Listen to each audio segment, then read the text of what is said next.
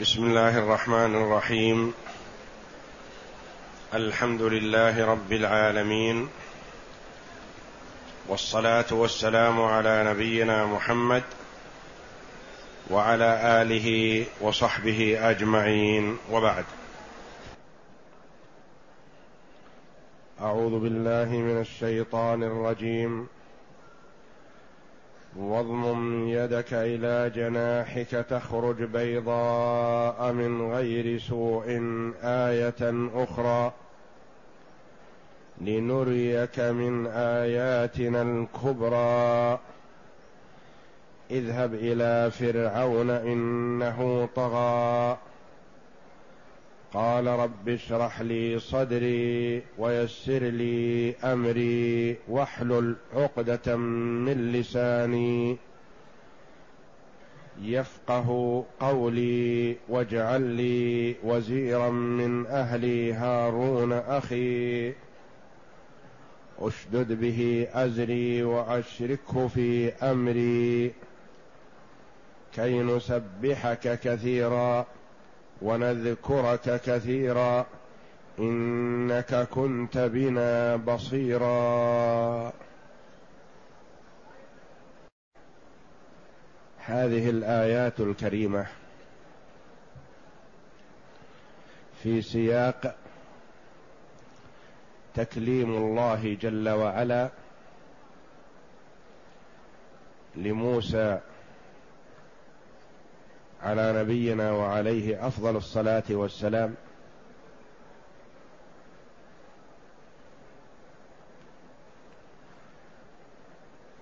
وما أعطاه جل وعلا من الآيات الدالة على صدقه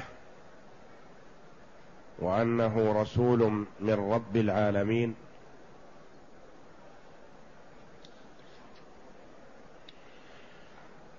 وتقدم لنا الآية الأولى في قوله جل وعلا وما تلك بيمينك يا موسى قال هي عصاي أتوكأ عليها وأهش بها على غنمي ولي فيها مآرب أخرى قال ألقها يا موسى فألقاها فإذا هي حية تسعى قال خذها ولا تخف سنعيدها سيرتها الأولى. فأخذها موسى عليه الصلاة والسلام وعادت عصا كما كانت سابقا. وهذه الآية الثانية. واضمم يدك إلى جناحك تخرج بيضاء من غير سوء آية أخرى. واضمم يدك. أمره الله جل وعلا أن يضم يده تحت عضده. واضمم يدك إلى جناحك. العضد أو الجنب تفسيران للعلماء. وعبر عن ال... عن الجنب بالجناح لأنه موطنه. والعضد بمثابة الجناح للطائر.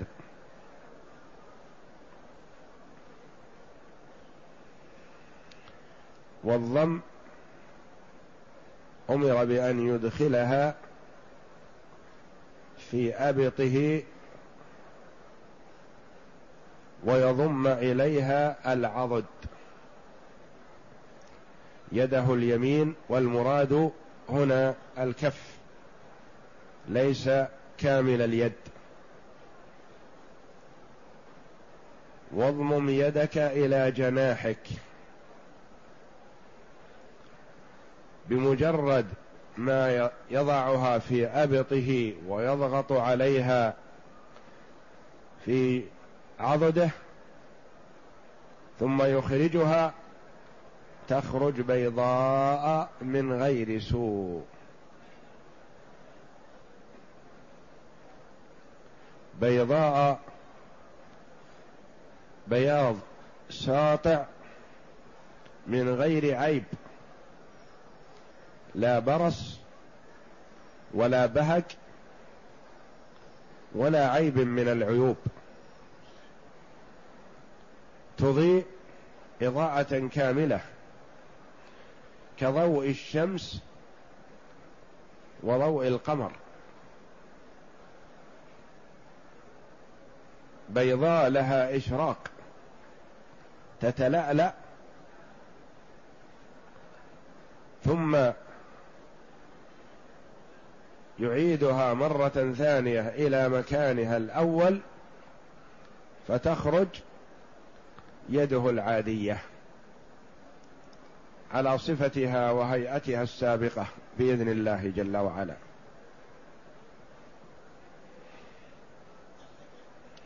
تخرج بيضاء من غير سوء من غير مرض ولا عيب.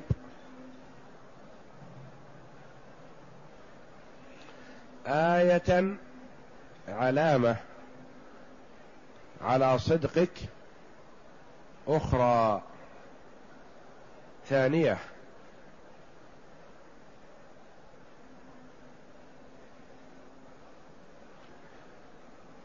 لنريك من آياتنا الكبرى.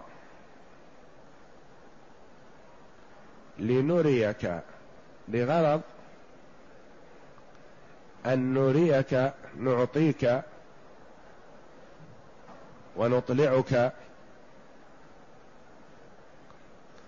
على شيء من آياتنا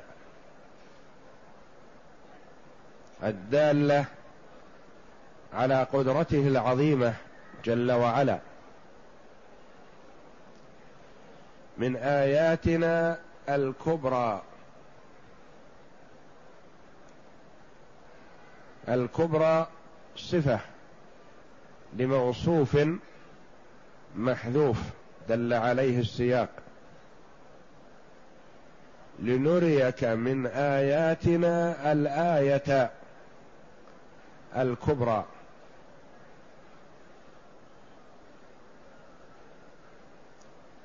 أو لنريك بعض آياتنا الكبرى. بعض آياتنا الكبرى.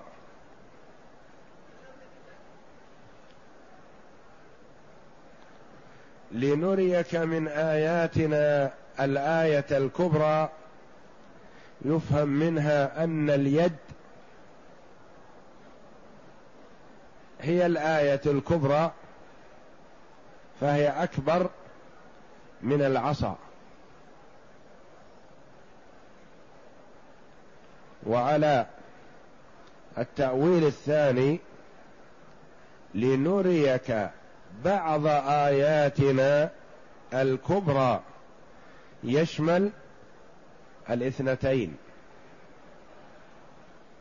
بعض العلماء قال المراد بالآية الكبرى هي اليد.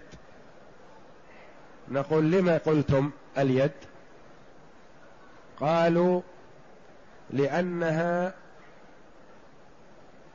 لم تضاهى.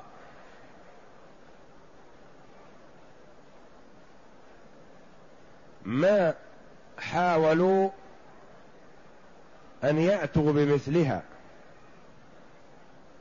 بخلاف العصا فلما رأوها قالوا نجمع السحرة ويبطل سحرك يا موسى.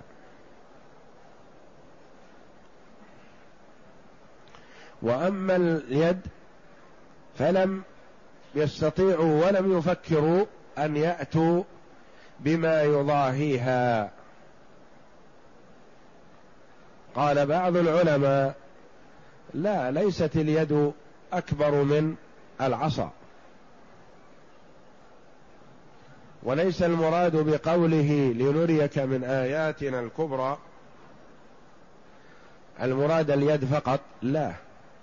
وإنما المراد بالآيتين العصا واليد. وقال إن العصا أكبر علامة من اليد. لأن اليد بياض فيها يتلألأ آية عظيمة لكن إذا قورنت بالعصا فالعصا مثلها أو أكبر لأن العصا عود نفخ فيه الروح صار حي وتعاظم وكبر. ليس على حجمه السابق. وتبلع أشياء كبيرة. ذات جرم. ولها أجرام كبرى. ثم بعد هذا تعود كما كانت. وأما اليد فهي بحجمها. وإنما تغير لونها.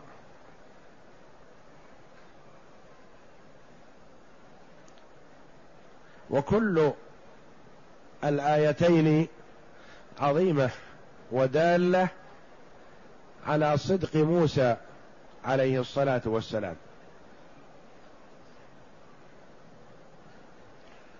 لنريك من آياتنا الكبرى. لتكون علامة على الصدق فمن وفقه الله جل وعلا آمن وصدق ففاز وسعد في الدنيا والآخرة. ومن حرمه الله جل وعلا الهداية كذب وأعرض وقد قامت عليه الحجة واستحق العذاب بإعراضه وعدم قبوله.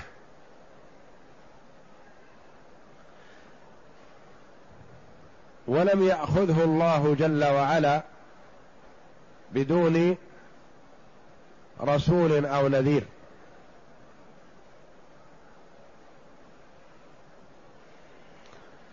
بعدما أطلعه الله جل وعلا على هل على هاتين الآيتين العظيمتين أخبره بالغرض. المراد بعثه فيه. فقال اذهب إلى فرعون إنه طغى.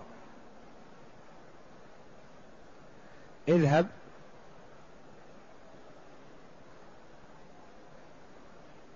اذهب إليه. وهل موسى عليه السلام رسول إلى فرعون فقط؟ أو إلى فرعون ومن معه؟ نعم هو رسول إلى فرعون ومن معه من الأقباط ومن بني إسرائيل ومن معهم في البلاد. وإنما ذكر فرعون وحده لأن من معه تبع له. فهم تبع له.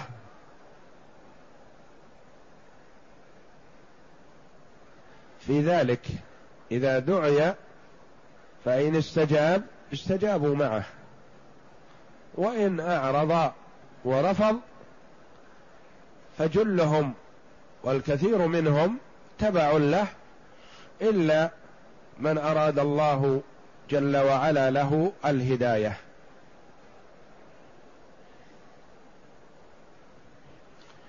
إلى فرعون إنه طغى.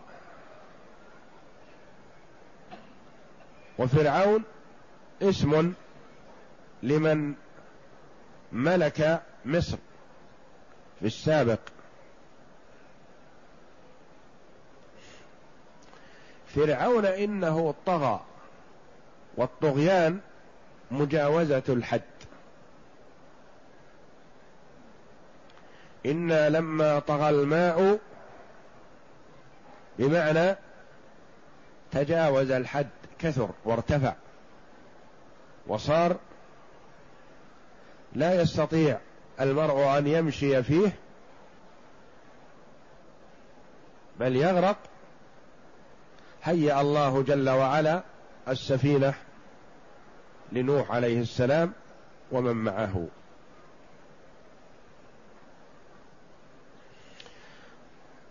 فالطغيان مجاوزة الحد. وفرعون تجاوز الحد. هو عبد من عباد الله مخلوق من مخلوقات الله. الله جل وعلا هو الذي خلقه وهو الذي يرزقه وهو الذي يعطيه ويتفضل عليه. فتجاوز حده ونسي خالقه وقال أنا ربكم الأعلى. وقال ما علمت لكم من إله غيري. أنكر وجود الله جل وعلا. فليس بعد ذلك مجاوزة. بعد هذه المجاوزة ليس بعدها زيادة. أن ينسى المخلوق خالقه ويزعم أنه هو رب الناس.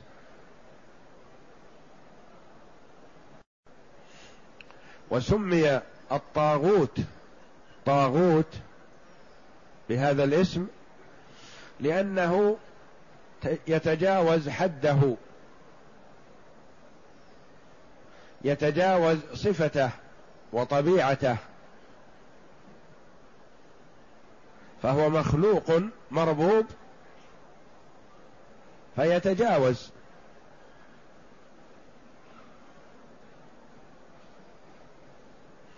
ولذا من دعا إلى عبادة نفسه سمي طاغوت.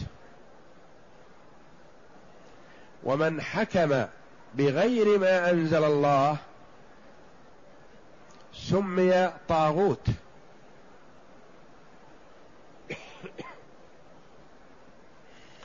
لأنه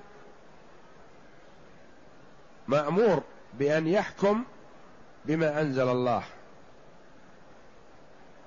فتجاوز حده وجعل نفسه مشرع.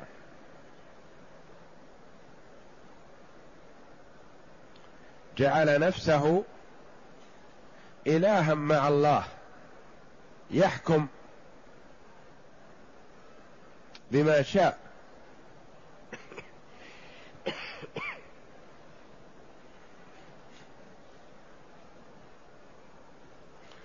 ورأس الطواغيت وكبيرهم إبليس لعنه الله.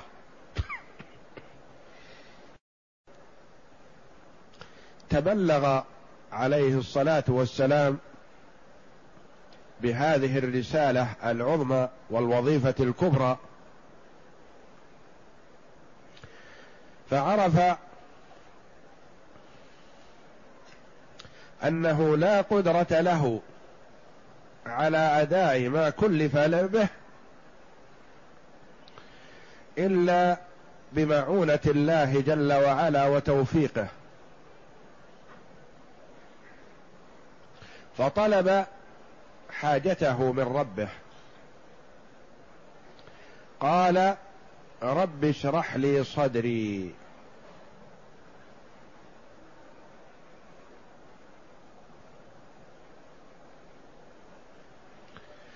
افسح لي في صدري. اجعل صدري رحب. واسع. يتحمل ما يصيبه من أجل الدعوة.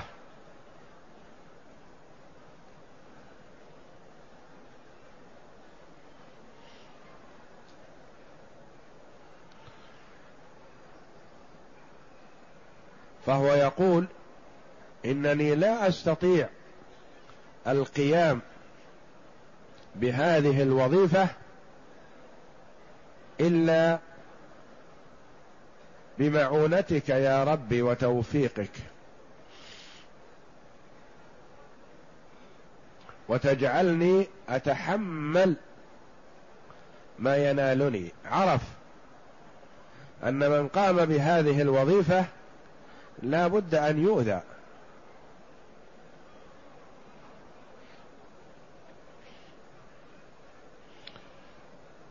فإذا أوذي وضاق وضجر ما استطاع أن يواصل.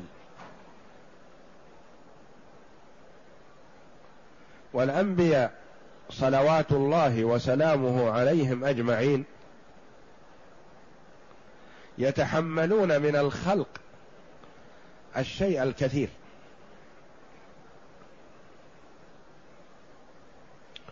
ونبينا محمد صلى الله عليه وسلم ناله من الأذى الشيء العظيم الذي لا يطيقه البشر إلا بمعونة الله جل وعلا.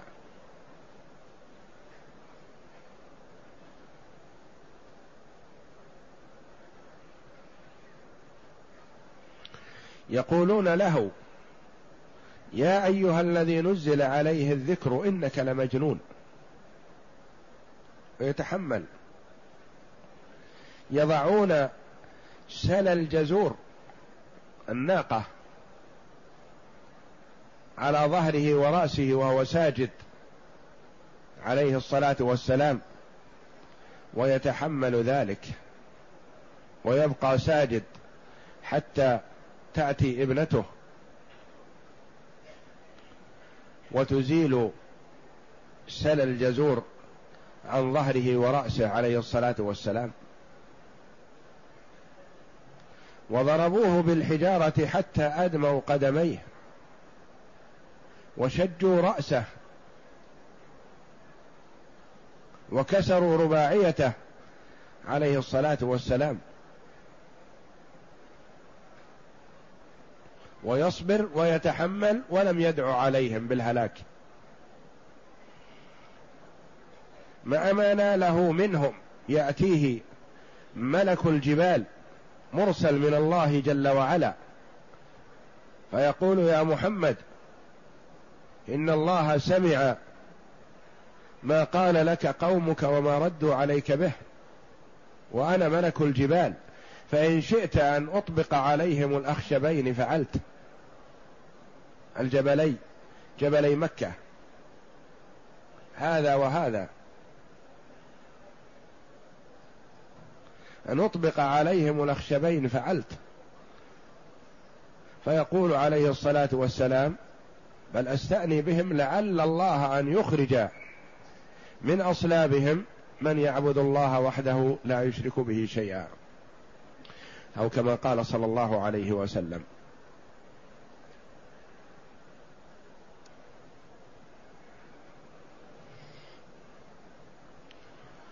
قال موسى عليه الصلاة والسلام قال رب اشرح لي صدري وسعه اجعله رحب يقبل. وهكذا ينبغي لكل من يدعو إلى الله جل وعلا أن يتحمل ما يصيبه من أذى من أجل الدعوة إلى الله جل وعلا. ولا يواخذ الجاهل أو يغضب على من رد عليه ردا شنيعا بل يتلطف به.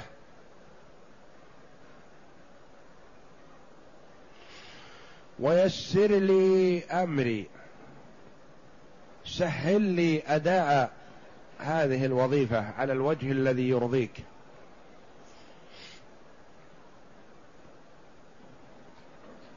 المخلوق البشر لا يستطيع إلا بمعونة الله جل وعلا وتوفيقه وتيسير أمره. ويسر لي أمري سهل لي هذا الأمر حتى أقوم به على ما تحب.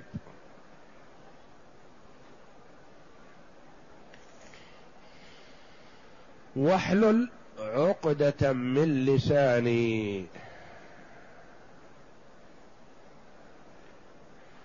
يفقه قولي.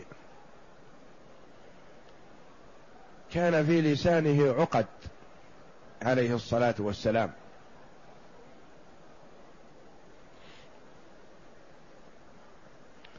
فكان لا يبين الكلام.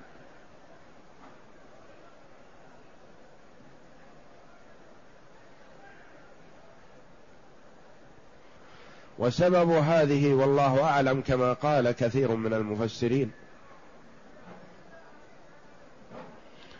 من المعلوم أن موسى عليه السلام تربى في حجر فرعون. وكان فرعون اللعين يقتل غلمان بني إسرائيل كلهم خوفا من موسى. لما قال له المنجمون يولد لبني إسرائيل مولود يكون زوال ملكك على يده. فقال هذا سهل. لطغيانه وعفرتته. نقتل كل مولود ذكر لبني إسرائيل. فينتهي أمره في المهد.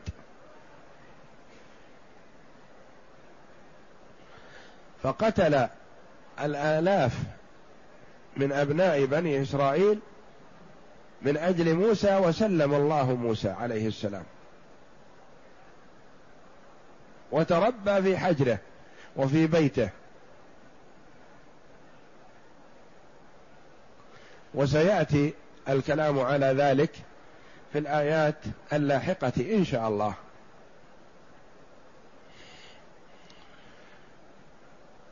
كان في لسانه لثغة وعقد. لما كان في حجر فرعون يقال إنه تعلق بلحيته ونتف منها شعرا وهو صغير. رضيع. وكان معه عصا فضرب به فرعون. فطار غضبه واشتد غضب فرعون. وقال هذا عدو لي. فقالت له آسيا امرأة فرعون رضي الله عنها قالت إن هذا لا يفرق بين ما ينفعه وما يضره. وإن أردت فاختبره قبل أن تقتله. انظر هل يفرق بين ما ينفع وما يضر. فإن فرق فشأنك به. وإن لم يفرق عذرته. فأتي بطست أو بصحن. فيه تمر وآخر فيه جمر. أو صحن فيه لؤلؤ وآخر فيه جمر. وقدم بين يديه لينظروا ماذا يأخذ. فيروى أن يده أرادت أخذ التمر فأخذ بيده جبريل عليه السلام ووضعها على الجمر فأخذ جمرة ووضعها في فيه فاحترق لسانه فتركه فرعون. وإلا أراد قتله لما ضربه وتعلق بلحيته. كان في هذا سبب لسلامته. وموسى عليه السلام لم يسأل ربه أن يزيل كل ما في لسانه فيكون من أفصح الناس كهارون عليه السلام لأن هارون عليه السلام كان من أفصح الناس. وإنما قال واحلل عقده كأنه قال واحدة من لساني من أجل غرض واحد وهو أن يفهموا قولي. يدروا ماذا أقول. ويظهر أنه استمر معه ثقل إلا أنه يفهم قوله. أم أنا خير من هذا الذي هو مهين ولا يكاد يبين؟ مهين بمعنى حقير لا قيمة له. ولا يكاد يبين لا يكاد يفصح عما في ضميره. يعني إفصاحه في صعوبة.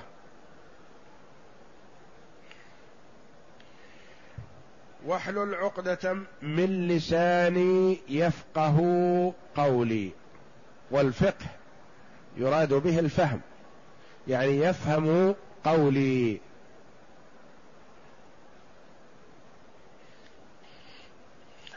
واجعل لي وزيرا من أهلي.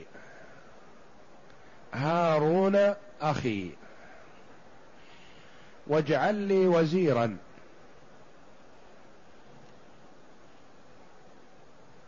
الوزير هذه شفاعة من موسى عليه الصلاة والسلام لأخيه هارون. يقال ما نفع أخ أخا بمثل ما نفع موسى هارون. وما شفع أخ في أخ مثل شفاعة موسى في هارون عليهما الصلاة والسلام. واجعل لي وزيرا. وزير من الموازرة والمعاونة أو من الوزر والثقل وتحمل الثقل أي أن الوزير يتحمل الوزارة يتحمل المشقة أو وزير بمعنى موازر ومعين. واجعل لي وزيرا من أهلي من قرابتي من بيتي. ثم خصصه بالذات فقال هارون أخي واجعل لي وزيرا من أهل هارون. اجعل تنصب مفعولين. المفعول الأول قال بعضهم وزيرا والمفعول الثاني هارون. وقال آخرون الأولى أن يكون المفعول الأول هو هارون ويكون وزيرا المفعول الثاني.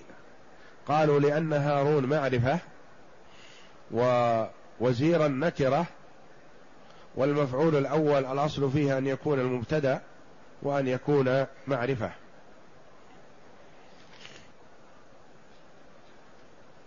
وأخي بدل منه.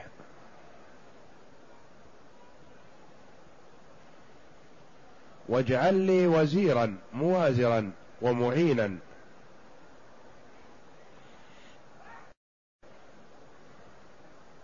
ويعينه على هذه الوظيفة الكبيرة العظمى.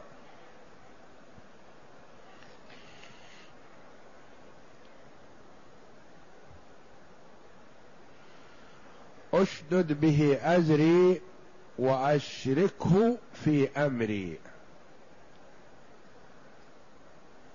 أو أشدد به أزري وأشركه في أمري.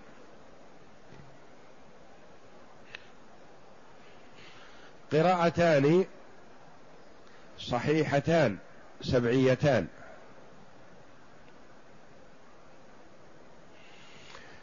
أشركه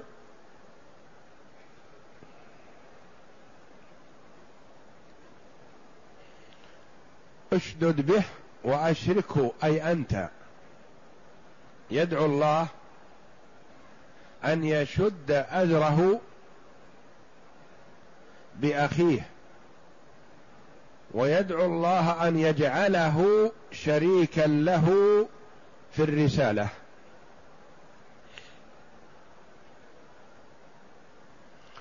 ويجوز أن يكون فعل أمر فعل مضارع مجزوم لأنه في جواب الطلب.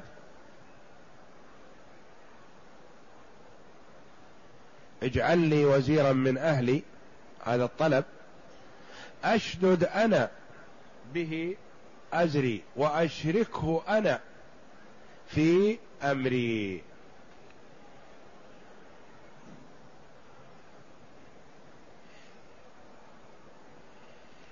أشدد به أزري. الأزر قيل المراد به الظهر يعني يشد ظهري ويقويني. وأشركه في أمري أن يشترك معي في هذه الوظيفة التي هي وظيفة الرسالة. وعرفنا أنه يصح أن يكون أشدد وأشرك من الدعاء. فعل طلب فعل دعاء ما يصح أن نقول أمر لأن هذا دعاء لأن الطلب إذا جاء من أدنى لأعلى يقال له دعاء.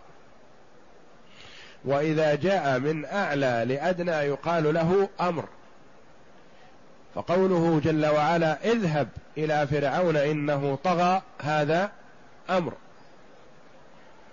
و قوله أشدد به أو أشدد به أزري وأشركه في أمري هذا دعاء. طلب.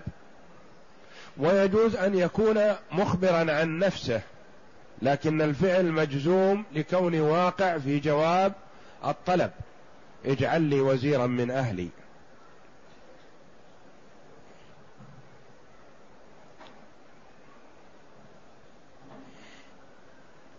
أشدد به أزري وأشركه في أمري. قال كي نسبحك كثيرا. يعاونني. ونتعاون على التسبيح في جل الوقت.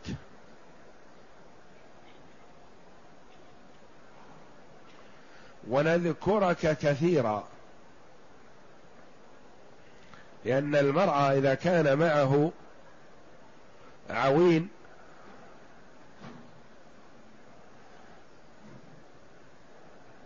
يكون عنده قدرة على أداء المطلوب أكثر. لأنه يشعر بمعاونة الآخر معه.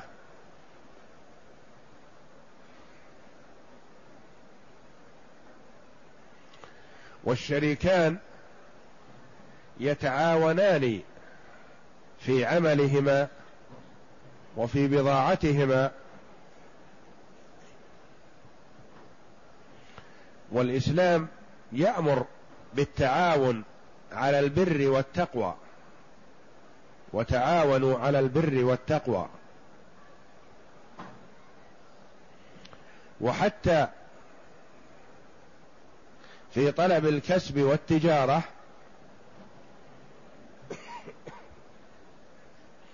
مرغب في الشراكة بين الأخوين أو الصاحبين أو الصديقين. يقول عليه الصلاة والسلام أنا ثالث الشريكين ما لم يخن أحدهما صاحبه.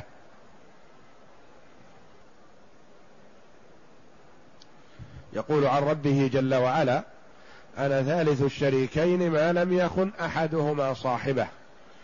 يعني ثالثهما بالتوفيق والسداد والإعانة فإذا وجد خيانة من أحدهما للآخر نزعت البركة.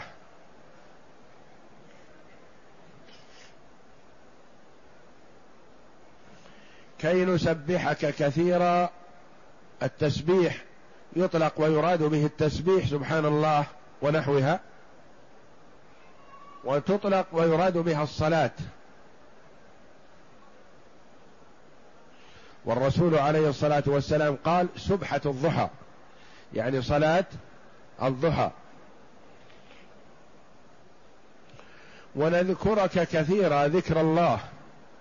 الذي أمر الله جل وعلا به ووعد الذاكرين الله كثيرا والذاكرات الفضل العظيم. يا أيها الذين آمنوا اذكروا الله ذكرا كثيرا وسبحوه بكرة وأصيلا. وقال جل وعلا إن المسلمين والمسلمات والمؤمنين والمؤمنات إلى أن قال والذاكرين الله كثيرا والذاكرات أعد الله لهم مغفرة وأجرا عظيما.